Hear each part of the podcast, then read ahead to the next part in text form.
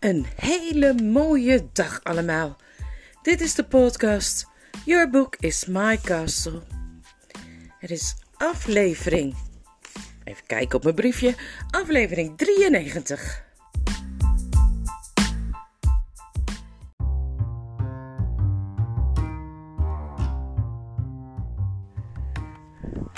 Ik nam even een slokje van mijn koffie. Zo lekker is dat. En dan kijk ik in mijn boek en we zijn al bij hoofdstuk 15 van de Zilveren Stoel. En erboven staat de verdwijning van Jill. Ondanks de lichtplek boven hen kon je beneden, waar zij stonden, geen hand voor ogen zien. De anderen konden niet zien, alleen horen hoe Jill bezig was op de rug van de moeraswiebel te klimmen. Dat wil zeggen, ze hoorden hem zeggen: Je hoeft je vinger niet in mijn oog te steken en of je voet in mijn mond en dat begint er meer op te lijken en ik, ik hou je benen wel vast. Dan heb jij je handen vrij om je tegen de aarde te steunen. Toen keken ze omhoog en al gauw zagen ze de zwarte omtrek van Jill's hoofd tegen het lichtplekje afsteken. Nou, riepen ze allemaal gespannen naar boven. Het is een gat, riep Jill's stem. Ik zou er wel doorheen kunnen als ik nog een klein beetje hoger kon komen. Wat kun je aan de andere kant van het gat zien? vroeg Eustace. Nog niet zoveel, zei Jill. Hé, hey, laat mijn benen eens los, dan kan ik op je schouders gaan staan in plaats van zitten. Ik kan mezelf wel aan de rand vasthouden. Ze hoorden haar bewegen en daarna werd er tegen het grijs van de opening ineens veel meer zichtbaar. Haar hele bovenlijf vanaf haar middel. Hey, begon Jill. Maar toen brak ze plotseling met een kreet af. Geen harde kreet. Het klonk meer alsof er iets voor haar mond gehouden werd, of dat er een prop in werd gestopt.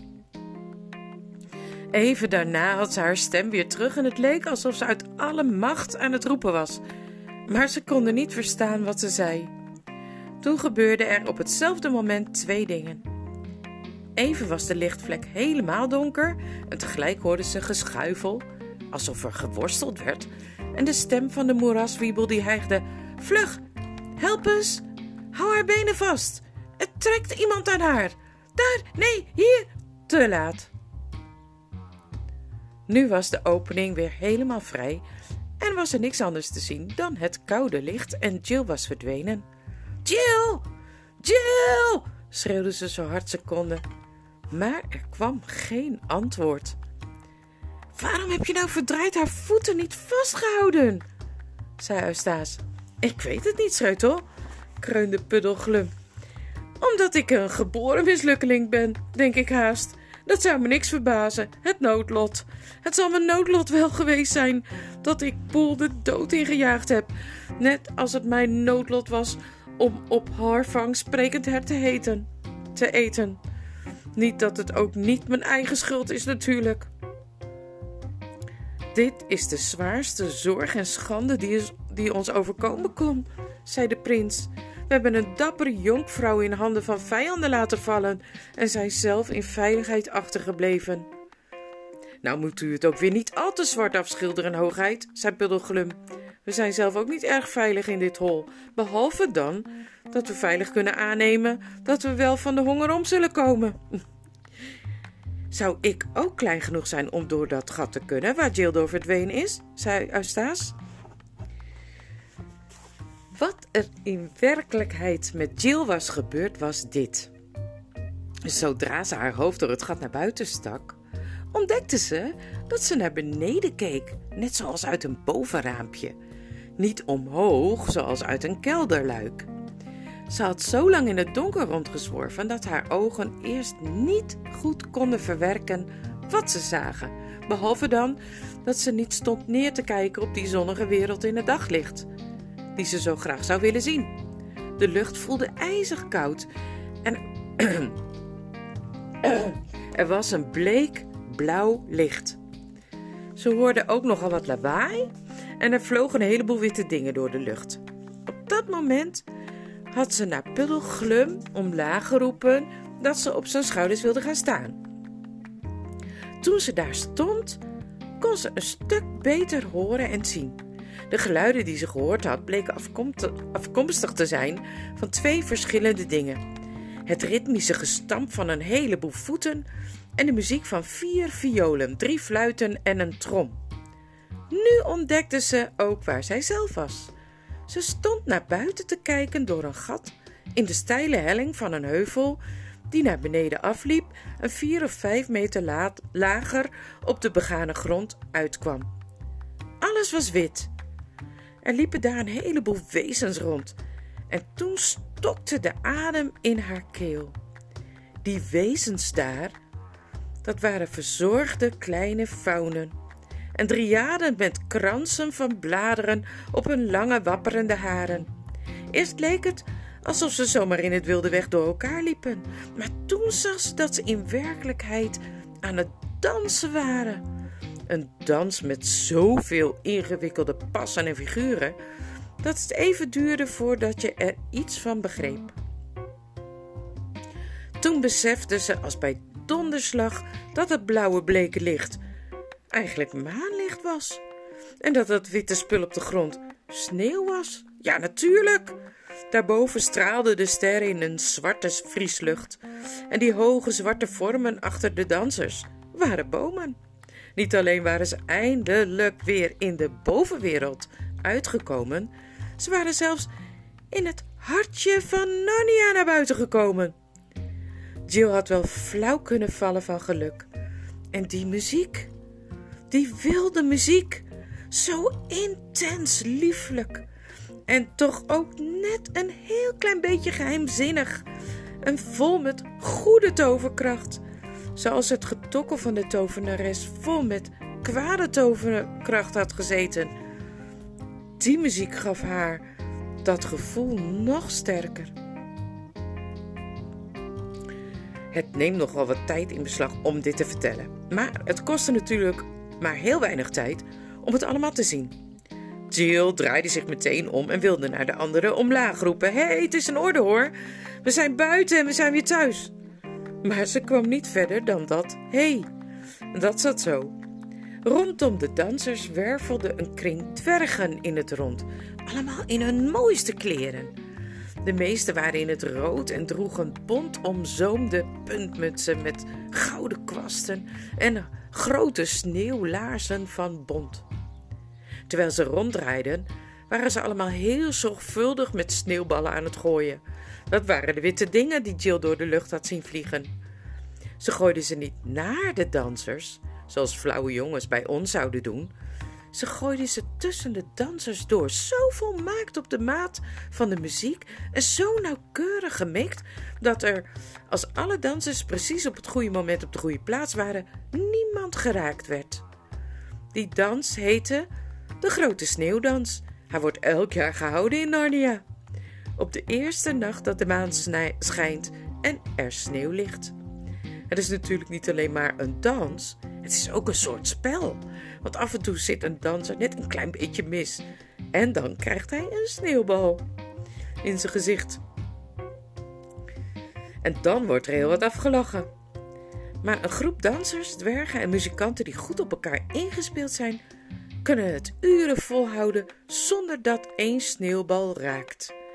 Als het een heldere nacht is en de kou en het geroffel van de trom en het oeh van de uilen en het licht van de maan in een bruisende bosbewonersbloed kruipen en het nog wilder laat bruisen, dan dansen ze vaak tot het ochtend wordt. Ik wou dat je het zelf eens kon zien.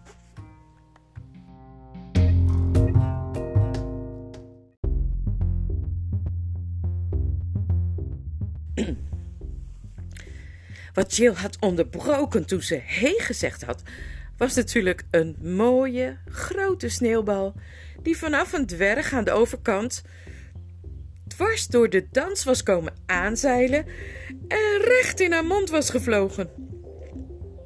Ze vond het helemaal niet erg. Op dat moment hadden twintig sneeuwballen haar goede humeur nog niet kunnen bederven.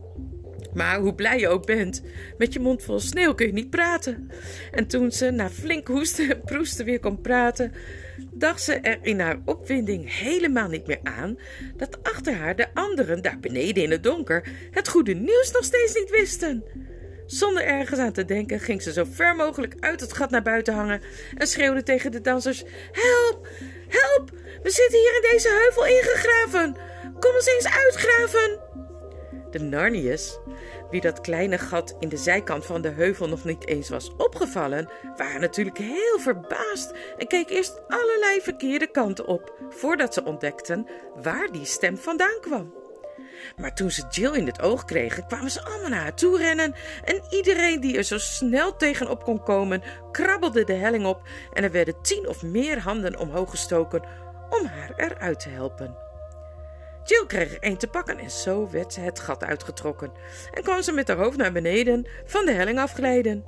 En toen ze beneden was, krabbelde ze overeind en zei: Oh, gaan jullie toch alsjeblieft de anderen uitgraven? Er zijn nog drie anderen daar en ook nog paarden. Een van hen is prins Rilian. Er was al een hele menigte om haar heen komen staan toen ze dit zei. Want behalve de dansers kwamen er alle mogelijke soorten wezens aanrennen die naar de dans aan het kijken waren geweest. Er kwam een hele troep eekhoorns uit de bomen naar beneden regenen en massa's uilen. Egels kwamen aangehobbeld, zo snel als hun korte poten hen konden dragen. Wat langzamer volgden beren, dassen, een grote panter, die opgewonden met het puntje van zijn staart heen en weer zwaaide, sloot zich als laatste bij de groep aan. Maar zodra ze verstaan hadden wat Jill zei, kwamen ze allemaal in beweging. Schop en pikhouweel, jongens, schop en pikhouweel, kom! Dan halen we ons gereedschap op, zeiden de dwergen. Ze holden zo snel ze konden weg door het bos. Maak eens een paar mollen wakker. Dat zijn de lui die je bij het graafwerk nodig hebt. Die zijn er minstens even goed in als de dwergen, zei een stem. Wat zei ze daarover prins Rilian? zei een andere stem. Sst, zei de panter. Het arme kind is in de war. En geen wonder, na verdwaald te zijn binnen in die heuvel. Ze weet niet meer wat ze zegt. Zo is het, zei een oude beer. Ze zei notabene dat prins Rilian een paard was. Nee, dat zei ze niet, zei een eekhoorn heel eigenwijs. Wel eens, dat zei ze wel, zei een andere eekhoorn, nog eigenwijzer. Het is echt waar. Toen nou niet zo dom, zei Jill. Ze praatte zo omdat ze inmiddels stond te klappertanden van de kou. Meteen gooide een van de triaden een met bont gevoerde cape om haar schouders, die een van de dwergen had laten vallen toen hij wegrende om zijn mijnwerkersgereedschap te halen. Een gedienstige faun draafde tussen de bomen weg naar een plek waar Jill door de ingang van een grot een vuur zag branden, om iets warms voor haar te drinken te halen. Maar voordat dat gebracht werd, waren alle dwergen weer verschenen met schoppen en pikhouwelen en stormden op de helling af. Toen hoorde Jill kreten als: Hela, wat doe je nou? Doe dat zwaard weg! En nee, nee, jochie, doe dat nou niet! Nou, nou, dat is me een kwaadaardig type zeg! Jill haastte zich naar de plaats waar het, waar het gat zat en wist niet of ze moest lachen of huilen toen ze het gezicht van Eustace uit het zwarte gat zag steken. Heel bleek en vuil. En de rechterhand van Eustace met een zwaard in het rond en de rechterhand van Eustace met een zwaard in het rond zag zwaaien en uitvallen doen naar iedereen die bij hem in de buurt kwam. Want voor Eustace was alles de laatste paar minuten natuurlijk heel anders geweest dan voor Jill. Hij had Jill horen schreeuwen en haar zien verdwijnen in het onbekende. Net als de prins in Puddelglum dacht hij dat ze gevangen genomen was door een of andere vijand. En van beneden af kon hij niet zien dat het bleke blauwachtige licht het licht van de maan was. Hij dacht dat het gat in een andere grot zou uitkomen die verlicht werd door een spookachtig verschijnsel. En, zat, en vol zat met wie weet wat voor gemene wezens van de onderwereld. Dus toen hij Puddelglum overhaalde om hem op zijn schouders te laten klimmen, zijn zwaard trok en zijn hoofd naar buiten stak, deed hij eigenlijk iets heel dappers. De anderen zouden dat liever eerst gedaan hebben als ze gekund hadden, maar voor hen was het gat gewoon te klein om doorheen te klimmen. Eustace was een beetje groter en een stuk onhandiger dan Jill, zodat hij, toen hij naar buiten wilde kijken, zijn hoofd stoot aan de bovenkant van het gat en een kleine lawine van sneeuw in zijn gezicht kreeg. En toen hij weer kon zien, een tientallen gestalten zo hard als ze konden op zich af zag komen rennen, was het dus geen wonder dat hij probeerde om ze op een afstand te houden. Hou, hou, hou op! Eustace, hou op! riep Jill. Het zijn vrienden van ons, zie je dat niet? We zijn in Narnia bovengekomen, alles is in orde. En toen zag Eustace het eindelijk ook.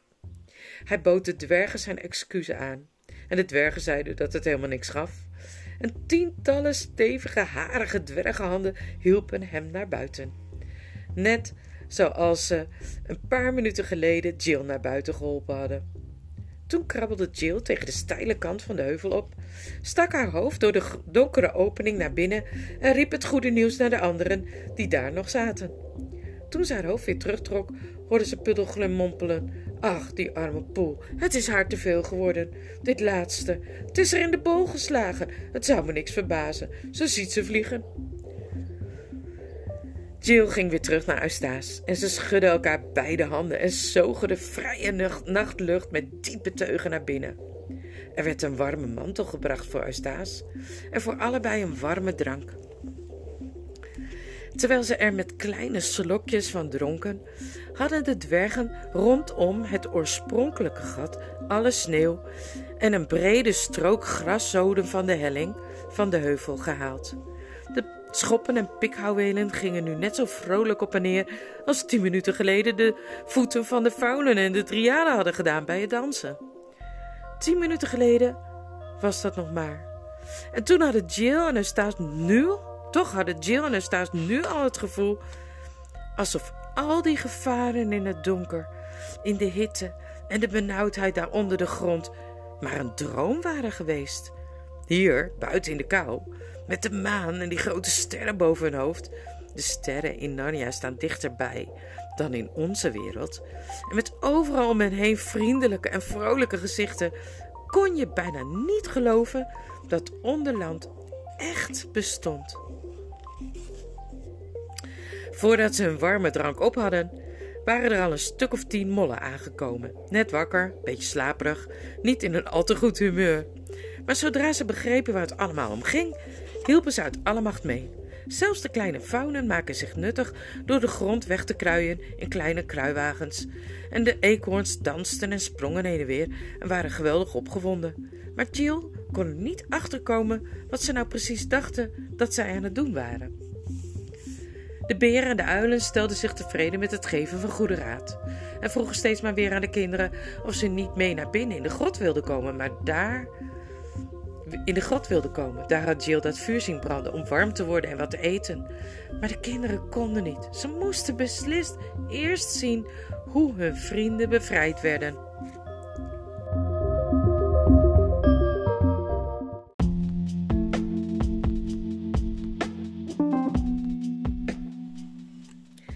In onze wereld kan niemand op dezelfde manier aan zo'n karweitje werken als dwergen en sprekende mollen in Narnia werken kunnen. Maar aan de andere kant, mollen en dwergen beschouwen het ook niet als werk. Die houden van graven. Daarom duurde het ook niet erg lang of ze hadden in de heuvel een groot zwart gapend gat opengelegd. En uit de duisternis van dat gat kwamen eerst naar buiten het maanlicht ingestapt. Dit zou nogal een griezelige nacht zijn, een griezelig gezicht zijn geweest, als je niet had geweten dat, wat het waren de lange benen en de punthoed van de moeraswiebel. En toen, met twee grote paarden bij de leidsels, Rilian de prins zelf. Toen Buddelglum verscheen, barstte er aan alle kanten kreten los. Nee maar, een wiebel! Nee maar, dat is die goede oude Buddelglum! Die goede Buddelglum uit de moerassen in het oosten! Wat heb jij daar nou uitgevoerd, Buddelglum? Er zijn reddingsploegen uitgestuurd om naar je te zoeken. Zijn excellentie Trompoen heeft aanplakbiljetten laten ophangen. Er is een beloning uitgeloofd. Maar in één ogenblik verstomde al het rumoer en werd het doodstil. Zoals het lawaai in een rumoerige slaapzaal ineens verstomt als het hoofd van de school de deur opendoet. Want nu zagen ze de prins. Niemand twijfelde er ook maar één ogenblik aan wie hij was. Er waren heel wat dieren en driaden en bergen, dwergen en faunen die zich hem nog goed herinnerden uit de dagen van voor zijn betovering.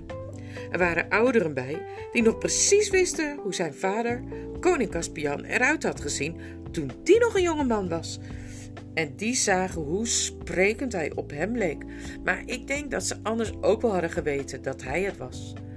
Hoe bleek hij ook was, doordat hij zo lang in het rijk van de diepte gevangen had gezeten, en hoewel hij zwarte kleren aan had en er stoffig, haveloos en vermoeid uitzag, er was iets in zijn gezicht en in zijn houding waar niemand zich in kon vergissen. Die blik hebben alle koningen van Narnia in hun ogen. Alle koningen die door de wil van Aslan regeren en die op Kerpervel op de troon zitten. Van koning Peter, de hoge koning. Meteen werden alle hoofden voor hem ontbloot, alle knieën voor hem gebogen. En het volgende moment barstte er zo'n gejuich en geschreeuw los, zo'n gedans en gespring, en begon iedereen zo hard de handen te schudden en te kussen en elkaar om de hals te vliegen, dat de tranen Jill in de ogen sprongen. Hun speurtocht was alle ellende die hij hun bezorgd had waard geweest. Met uw welnemen, koninklijke hoogheid, zei de oudste van de dwergen, in die grot daar wordt een poging gedaan een soort avondmaaltijd op te dienen voor als de sneeuwdans afgelopen zou zijn. Met alle plezier, vader, zei de prins, want nog nooit heeft een prins, een ridder, een heer of een beer zo'n trek gehad in iets te eten als wij vieren vanavond na onze zwerftochten. De hele menigte begon zich tussen de bomen door in de richting van de grot te bewegen. Jill hoorde Puddelglum zeggen tegen degene die zich om hem verdrongen: Nee, nee, mijn verhaal kan wel wachten. Er is niks gebeurd dat de moeite waard is om over te praten. Ik wil weten wat hier gebeurd is. Probeer me er vooral niet voorzichtig op voor te bereiden, want ik hoor het net zo lief allemaal meteen. Heeft de koning schipbreuk geleden? Waren er nog bosbranden? Waren er oorlogen aan de grens met Kolormen? Waren er soms draken? Dat zou me niks verbazen. Alle wezens moesten hardop lachen en zeiden: Echte moeraswiebel, hè? De, de twee kinderen vielen bijna om van vermoeidheid en van de honger. Maar binnen kwamen ze weer een beetje bij door de warmte in de grot en alleen al door de aanblik van de grot zelf, met het licht van het haardvuur dat danste tegen de wanden en over de toogkasten, de kopjes, de schoteltjes, de borden, op de gladde stenen vloer, net als in een grote boerenkeuken. Ondanks dat vielen ze als een blok in slaap terwijl het eten werd klaargemaakt. En terwijl zij sliepen, zat prins Rilian met de oudere, wijzere dieren en dwergen het hele avontuur te bespreken.